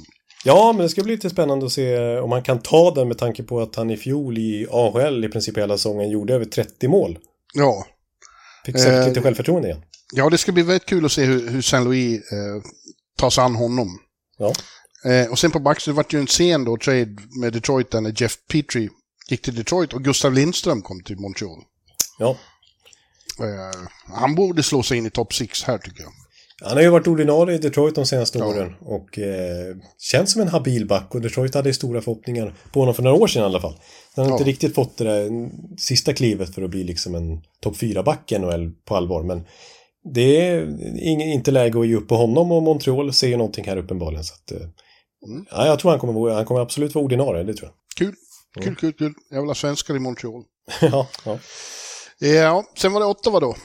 Ja. Eh, det är ju som vi också nämnt då eh, ett av lagen i kön här, eh, nästan jämsides med Buffalo i, i, i stegringen uppåt. Mm. Eh, Det blev eh, inte riktigt som de hade tänkt sig i fjol. De var lite för långt efter, men det här finns det ju potential Ekeliv. Verkligen, och skillnaden mot Buffalo här är ju att de plockar in utifrån och stärker upp med etablerade namn för att försöka ta det här sista klivet. Mm, de har, men, ja, men de har inte riktigt haft samma utveckling på, ett, på en kärna som de har haft i Buffalo. Ja, delvis har de väl det, men inte riktigt på samma sätt. Så här tycker jag det finns mer motiv motiverat och, och, och mixtra lite med, med truppen. Ja, eh, den stora värvningen var ju den vi pratade om här i senaste podden då eh, för en månad sedan. Vladimir Tarasenko som kan man väl säga är en rak ersättare till Alex de Brinket. Ja, men även Kubalik då kommer ja. in. Ja, just det. Det var ju den verkliga ersättaren kan man säga med tanke på att han byttes i samma trade. Ja. Och så får de in Jonas Korpisalo som målvakt och i princip känns ju Jacob Chychryn som ett nyförvärv också eftersom han kom in sent i fjol. Ja. Och var väl skadad rätt mycket. Han var skadad mycket, spelade bara 12 matcher så vi fick aldrig ja. riktigt se vad han kan bidra med i Ottawa. Så det blir också jättespännande. Jag kommer ihåg i den där senaste podden när vi pratade lite extra mycket Ottawa i och med The Brinket och Tarasenko och så vidare. Att eh, jag kunde se framför mig en Hampus Lindholm-utväxling den här säsongen för Chychryn när han har liksom hunnit med en hel kamp och akklimatisera sig till sin nya omgivning. För det är ju en ja. stor back i vardande. Ja. Det är ju 95 kilo kraftpaket som har vunnit backarnas skytteliga i NHL tidigare bara 25 år. Det är ju en, en stor back där. Ja, ja han och Thomas Chabot och Jake Sanderson är bra. Bra ja, back. Det är starkt. Det har ju varit en svag, svag lagdel tidigare för Ottawa, men nu är det ju, skulle jag vilja säga, kanske inte topp, topp, topp i NHL, men där uppe definitivt. Om man, för nu sägs det så här, det har ju DJ Smith läste jag bara häromdagen, eh, bekräftat att eh, oj vad de ska satsa i första backpar. Chabot och eh, Chychryn i första backpar. Ja. De kan ju spela 30 minuter liksom. Ja, ja verkligen. Ja, och sen, och sen så då Jake Sanderson, jättespännande back som var bra redan i fjol, ihop med Artem Sub. De, de har ju format fin kemi där. Och så ett tredje backpar med Erik Brännström, och som var bra i fjol ska vi säga också. Han, mm. han, var, han var fin under våren där när han ersatte Chychrun lite grann eh, och fick mycket liksom, viktigt nyvunnet självförtroende då. Ihop med Travis Hammonick som ju är väldigt rutinerad. Så att... Ja, Brännström gjorde något otroligt snyggt mål, visst gjorde han? Det var något vi eh, häpnade över. Ja, precis. Ja, han... Och fick, ja, vi träffade ju han på den här NHL intervjumöjligheten som var här i Stockholm för ett par veckor sedan. Eh, Brännström. Han, han löser självförtroende då skulle Han är ju en sån här googla göteborgare alltid. Ja, han är en väldigt trevlig person. Ja, ja, precis. Men det kändes som att han eh, med tillförsikt såg fram emot den här säsongen för hela Ottawas skull. Men även för sin egen. Trots konkurrensen på backsidan då. Men han, han, han kommer med självförtroende från våren här. Ja, ja jag förstår absolut optimismen. Det, det vimlar ju dessutom då av, av bra namn framåt. Kachak och Stützle och ja. Claude Giroux och Kubalik och Josh Norris och Drake Batherson och så Tarasenko då. Ja, och det skulle jag säga att många i Ottawa nämner ju att Ottawas bästa nyförvärv till kommande säsong, det är Josh Norris. Ja, han var borta. Ja, just det. Han var borta i princip hela förra säsongen. Han ska vara helt skadefri nu. Han gjorde faktiskt 35 mål ju för två år sedan. Eh, och är ju, menar, har ju ett kontrakt på nästan 8 miljoner dollar, så det vittnar ju om vad de ser framför sig i, i hans karriär. Eh, vilken one-two-punch ihop med Tim Stützle som ju verkligen accelererade här under fjolårssäsongen också ju längre den gick. Den kedjan med Giroux och eh, Kachak var ju bland NHLs bästa under våren faktiskt. Och många tror ju nu att Stützle, med tanke på hur bra han var också under våren där, att kan det bli 100 poäng från han kommande säsong? Stützle, träffar du inte honom också där? Jo, han träffar också. Också också, är lite som Brännström faktiskt. De är ganska lika nästan utseendemässigt också liksom. eh, väldigt positiv och glad och eh, klockren engelska har han ju tysken. Det, ja. Han låter ju som en amerikan i princip och, och eh, väldigt proffsig och, och eh, bra intryck. Han, eh, han, eh, han, kommer, han kommer bli bra. Ja. ja, det ser du. Ottawa kan bli ett problem för nästa lag. ett av lagen som kan bli ett problem för Tampa. Ja. För nu är vi framme vid, vid ditt eh, Ja, laget du har där på din tröja. Helt skandalöst. Ja, jo precis. Nu, nu blir det inte objektivt längre här. Nej, jo, det brukar du vara rätt okej okay på ändå. Ja. Det är Tampa Bay Lightning som eh, fortsätter resan framåt med samma fina kärna. Och den är fortfarande väldigt bra med Stamkos och Kucherov och Hedman och Point och Vasilevski. Men ja. som vi har sagt flera gånger, ja, Cirelli kan väl Absolut. kanske mm. klumpas ihop där också. I, i, alltså personalstyrkan runt om blir lite, åtminstone på pappret, klenare och klenare för varje år. Ja, så är det. Det är inte någon eh, tredje kedja med, med Gord, Coleman och Goodrow längre om man säger så. Nej. Och nu har de då tappat, eh, Alex Kilon var ju någon de, det är en trotjänare de verkligen ville ha kvar men inte kunde ha kvar, så han försvinner. Corey Perry, Pat Maroon försvinner, Mr Stanley Cup. Ja, det, det är väldigt mycket karaktär, väldigt mycket verbala personer i omklädningsrummet här. Som ja. så ledande spelare på det sättet får man säga som försvinner. Bellemare har varit lite sån också, Perry Maroon som du säger. Och Ross Colton försvinner. Ross Colton. Mm. Ross the Boss. Som de absolut ville behålla egentligen, men inte heller hade råd att ge ett marknadsmässigt kontrakt. Nej. Eh, och Alex Killorn, det ska vi komma ihåg också. Det kanske man inte tror, men det är ju den spelare i organisationen som har funnits i klubben längst. Draftad 2007. Tidigast av alla i den här core, mm. gamla kåren. Eh, nu är han borta till slut. In istället då kommer sådana som Conor Sherry, eh, Luke Glendenning, Josh Archibald. Eh, ja. Och det är väl eh, habila, Logan Brown. Det är väl habila spelare, men det är inga som det är inte riktigt på samma nivå. Tycker jag. Nej, nej det, det, är inga liksom, spelare som man känner eh, ens i bottom six liksom. Eh, känns Stanley Cup contendermässiga riktigt sådär. Visst, de det är, nu kanske jag överdriver och dömer ut dem lite väl, men ja, det, det är absolut, visst har de inte samma bottom six-styrka längre, det kan man definitivt slå fast. Det, det jag däremot vill säga som en gemensam nämnare med många av de här forwardsvärvningarna är ju att det är lite John Cooper-spelare. Han gillar ju sånt som Connor Sherry eller Josh Archibald eller Luke Lendenning som har, som är liksom bra på skridskorna. Det är ju viktigast om man spelar Tampa Bay. Att man har motorn, att man är ettrig, att man ligger på i forechecken hela tiden, att man är jobbig att möta på det viset. Eh, däremot så är de ju inte sådana här munhuggare som Corey Perry och Pat Maroon. De har ju nästan ingen sån längre. Sån som i slutspelet står och, och gnabbar med motståndarbänken. Nej, de kanske blir lite mer sympatiska. Ja, lite precis. Eh, vem var det som sa det nu igen eh, häromåret? Någon känd tränare som sa att eh, Tampa Bay Lightning är, det är liksom bara massa pricks. Mm. Eh, och det, det, det, är inte speciellt sympatiskt. Det är väldigt trevliga människor eh, utanför isen, men det är pricks på isen och sånt. Så man måste vara en prick om man ska vinna Stanley Cup. Alltså, En lektion från Johan Tanekeli. Nej, jag, jag, jag, jag, hävdar inte det. Jag har ingen aning om man vinner Stanley Cup. Men det var no jag minns inte vilken coach det var som sa det. Men... Mm. Nej, och Vasilevski fortsätter ju mål. Det finns väl inga... Eh, det finns ingen anledning att tro att han ska bli så mycket sämre. Om något så är det väl så att alla de här i, i kärnan då har fått för första gången på väldigt länge en riktigt lång sommar för återhämtning och träning. Ja. Eh, och det, det måste ju vara bra för dem. Eh, ja. Den otacksamma rollen som, som backup och den målvakt som nästan alltid spelar mest, det är då en svensk duo nu, i, i Jonas Johansson och Hugo Arnefelt. Ja, de, och nästan svensk skulle jag på att säga Matt Tomkins som de plockar från Färjestad också, som de har tagit över. Det var ju lite speciellt där att Jonas Johansson skulle ersätta Matt Tomkins i Färjestad efter att Tampa värvat honom. Sen så tog Tampa även Jonas Johansson. Eh, mm. Varpå Färjestad tog eh, Tampas gamla AHL-målvakt. Eh, ja, man rör Men, eh, ja, nej precis. Det är väl Johansson som är tänkt att vara första backup bakom Vasilevski, men det blir ju inte mer än 15 starter max. Nej, precis. Såvida han inte skadas då. Ja, då är det kämpigt faktiskt. Ja, ja men det, du, du nämnde ju det. De är mer känsliga för skador nu. Om, om, om någon av de här toppkillarna försvinner. Ja, nej, verkligen så är det. Eh, det är inte alls samma bredd eh, längre. Och det märks nästan redan i andra kedjan tycker, nu, tycker jag nu. Inte bara i tredje och fjärde kedjan. Så att, eh, och på backsidan. Hedman ska bli spännande tycker jag att följa. För han, han, är ju nu då också rimligen helt återställd och mår bra. Och vill nog väldigt gärna visa att han fortfarande är en världsback. Ja, precis. Han som har prenumererat på Norris nomineringar sex år i rad fram till här senaste säsongen när han inte var nominerad längre. Och hamnade, liksom ramlade ner på många sådana listor över världens bästa backar. Eh, jag håller verkligen med om att han är nog den som allra tydligast, kanske ihop med Vasilevski, har sett fram emot en lång sommar och kunnat bygga upp kroppen igen. Liksom. Ja. Eh, så ja. jag tror vi får se en väldigt bra Hedman, det håller jag med om.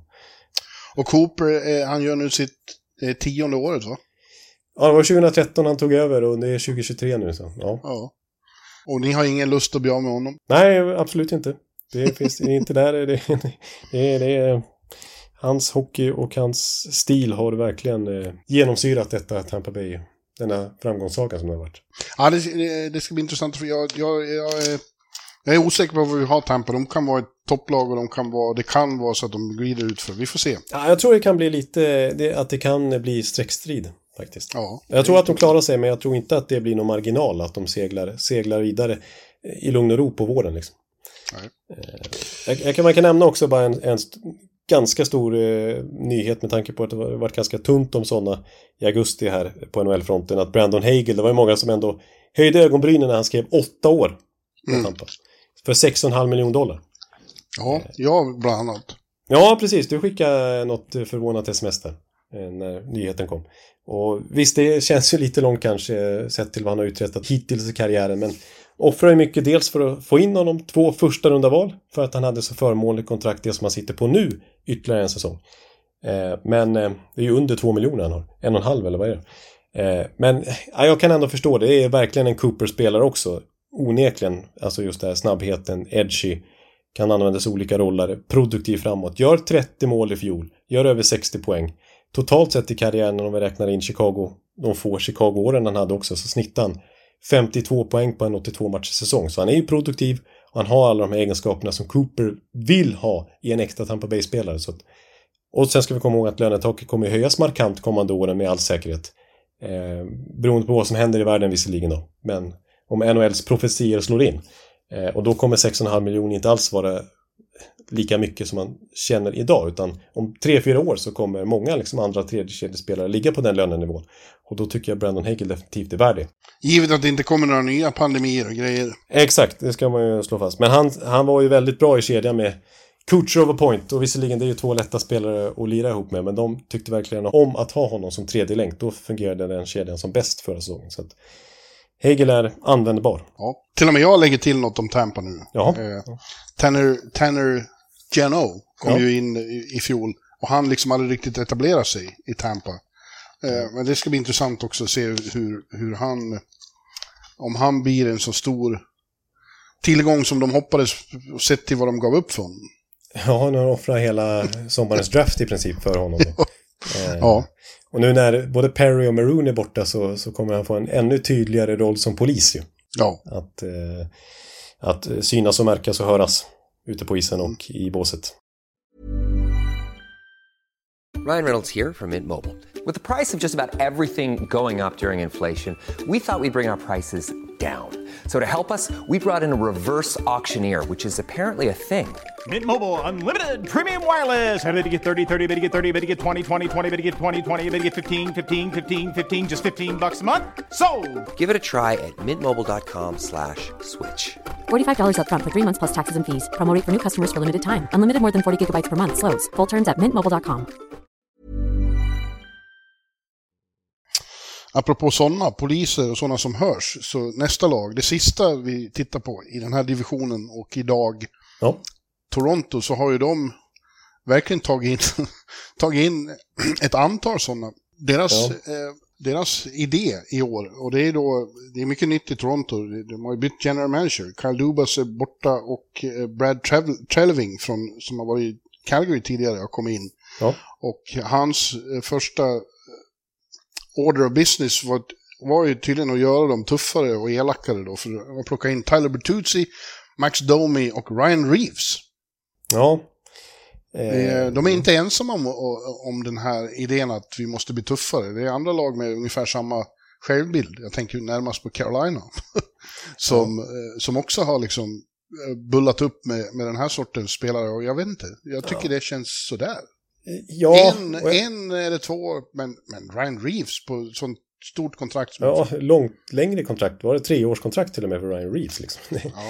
Han som har spelat i sex olika klubbar de senaste sex åren typ. Eh, Men jag, jag håller inte riktigt med om den allmänna bilden som har satts att Toronto har blivit tuffare sådär om man tittar på nyförvärven. För jag menar, eh, Carolina anses ha blivit tuffare när de har tagit in Michael Bunting som har lämnat precis Toronto liksom. De har blivit av med Ryan O'Reilly som inte direkt är någon svag pjäs och de har blivit av med Luke Chen som kom in med muskler i fjol och Ja, fast Ryan O'Reilly är det ju inte för musklerna man tar in. Det är ju för Nej, men det är en ju en- fantastisk center. ja, men det är också det är ingen jag, jag skulle inte Carolina tar in Brandon Lemieux också, vill jag påpeka. Vilket ju känns som hallå i, i, i, i skogen. Ja, men Fan. Noel Achari var, togs in av Dubas för att bidra med muskler och sådär också. Jag, jag tycker inte... Ah, jag vet inte. Alltså, jag, det, Ja, det, är, ju- det, det är ju helt klart sådana spelare de har gått efter i alla fall. Ja, precis. Det, det är väl inget... Plus då John Klingberg på backsidan, vilket jag tycker är väldigt spännande. Ja, absolut. Och för att klumpa in honom här så tycker jag det mest intressanta i, som jag har spänt öronen mest kring, det är ju det här med att de har tagit in riktiga karaktärer som ska få lite liv i omklädningsrummet. Som det har varit snack Ja. om, att det är för tyst där. Och att det är ingen som riktigt vågar höja rösten och att det bara handlar om the big four. Som ju alltså, alltså nu är det ju alltså så att sen, sen 2021 så har samtliga övriga forwards i laget bytts ut. Bortsett från Big Four med Matthews, Marner, Tavares och Nylander. Eh, och att det ska bli mer identitet, lag, sammanhållning i gruppen och att sådana som Reeves och Domi och Bertuzzi och inte minst Klingberg också faktiskt. Sådana som håller igång surret liksom. Som håller igång Ja. tugget och tar för sig. Ja, där är ju Reeves. Eh, han är inte så tyst av sig. Nej, precis. Nej, det kanske är vad som... Det, jo, men det, har vi det pratade vi om redan i somras. Ja. Ja, det, där har blivit en käpphäst för dig, om att det är för tyst i Toronto. ja men jag pratade mycket om det då. Det gjorde jag. Eh, ja, eh, men i, i övrigt så gäller ju, alltså de... Det, det är ingen snack om vad de vill. De, de vill gå hela vägen. Ja, precis. Alltså jag känner så här, man, när det är Toronto så skrivs det otroligt mycket eftersom att eh, NHLs mediacenter utgår därifrån ju. Eh, och det finns ot- otroligt många olika infallsvinklar på det här och tyck, tänk... Ja, verkligen. Ja.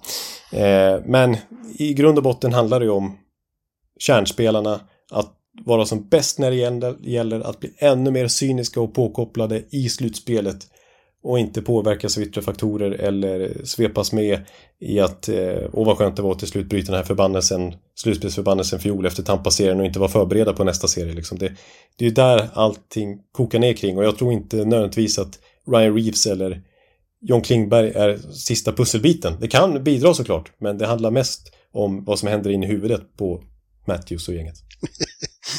Inne i huvudet. Ja. Ja, eh, men det är ju sant. De måste leverera. Ja. Men jag tror ju att, eh, ja, så, det verkar inte som att Nylander är så bekymrad över det här kontrakts... eh, Det är som du säger, det blir, det blir så stort direkt när det är Toronto. Men han har ju ett år kvar och har gott om tid på sig och, och komma överens. Så om de inte kommer överens så då får det väl bli någon annanstans då. Ja, det blir intressant att följa och senaste man kan säga i den utvecklingen är väl att eh, Matthews ju har skrivit på sitt kontrakt nu i alla fall. Ja. Som också skulle ha varit UFA faktiskt kommande år ju. Den, eh, snacka om UFA det skulle varit om han nådde marknaden. Har skrivit på ett nytt kontrakt och, och blir ju bäst betald i hela NHL. Det har också hänt sen senaste podden vi spelade in. Eh, det är inte den här säsongen då, för han hade ju fortfarande kontrakt precis som Nylander. Men från och med nästa år så kommer han ha den högsta cap-biten i NHL på 13,25 miljoner dollar. Slår då Nathan McKinnon och Conor McDavid. Ja, kul för honom. Ja, men det är lite intressant med tanke på det här kontraktet då. Dels ur Nylanders synpunkt men också då generellt sett i NHL då, det högsta kontraktet. Men det är ju just det att han skriver inte det här åttaårskontraktet som alla andra gör. Utan han fick som han ville. Fyra år bara. Ja, men det där har vi ju pratat om många gånger. Att jag förstår inte riktigt eh, den här, att de är så, att så många är så angelägna om att få långa kontrakt. När man vet att man förmodligen kan få mer pengar om man skriver kortare. Ja, för det är det, det är så Matthews tänker här. Och framförallt med tanke på att lönetaket kommer att höjas då som jag... Ja, det är det jag menar. Att det, Ja. det, det kommer att finnas mer löneutrymme om fyra år. Ja. Då ja. Precis, och från Torontos perspektiv kan man förstå att de vill ha åttaårskontraktet och knyta upp Matthews så länge som möjligt när han är en riktig franchise-spelare såklart. Men eh, Matthews, eh, ja, han fick som han ville.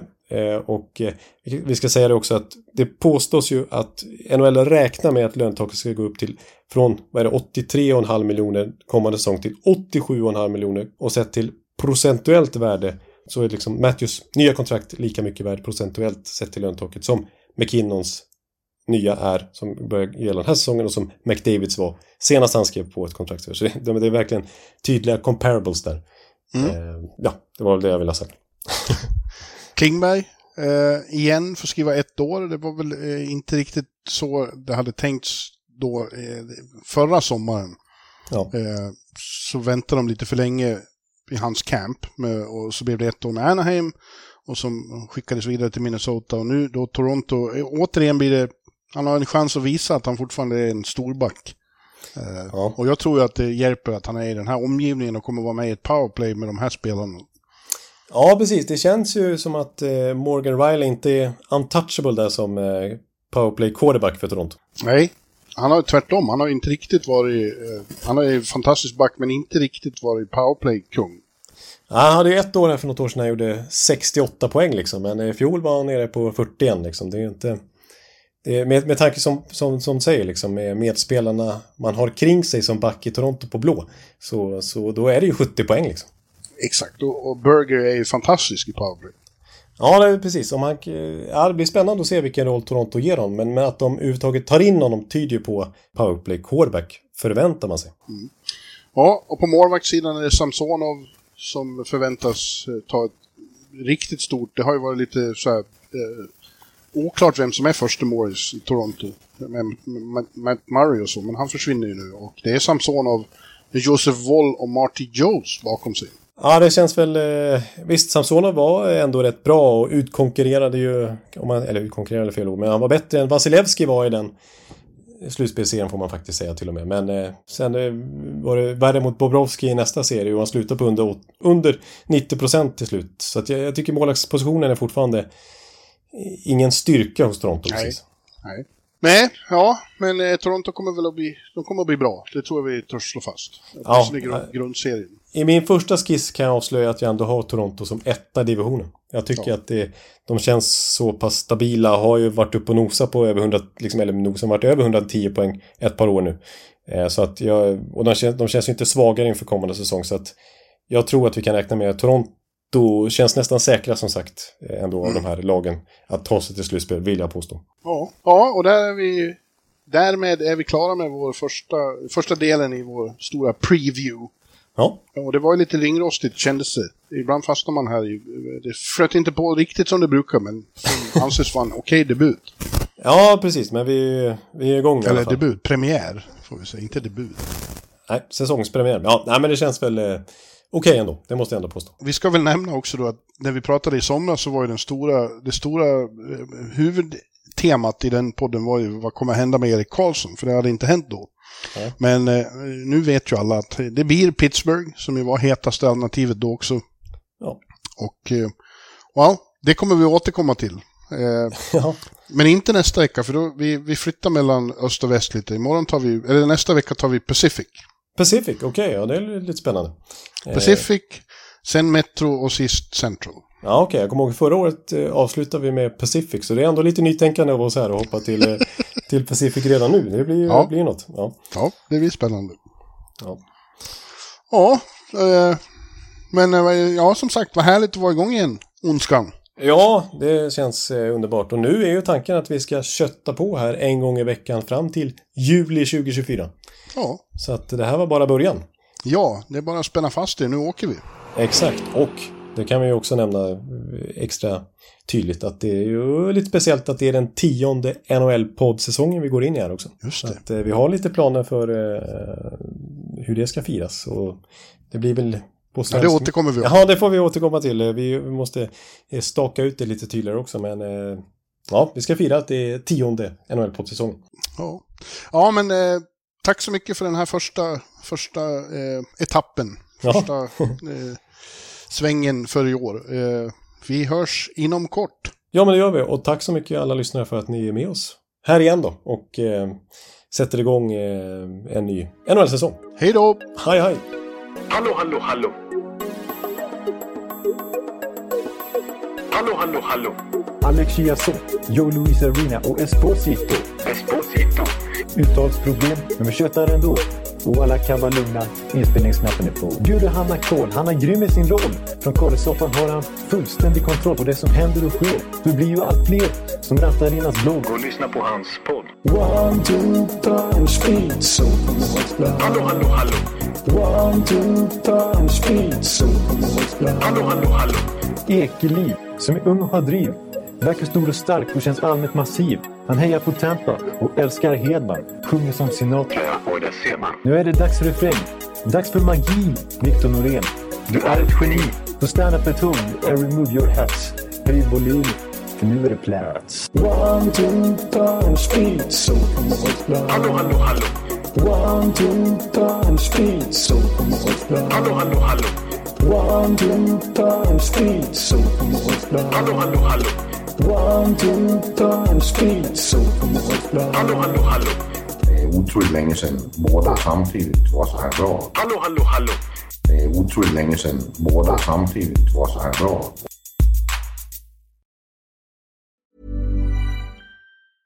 Selling a little or a lot?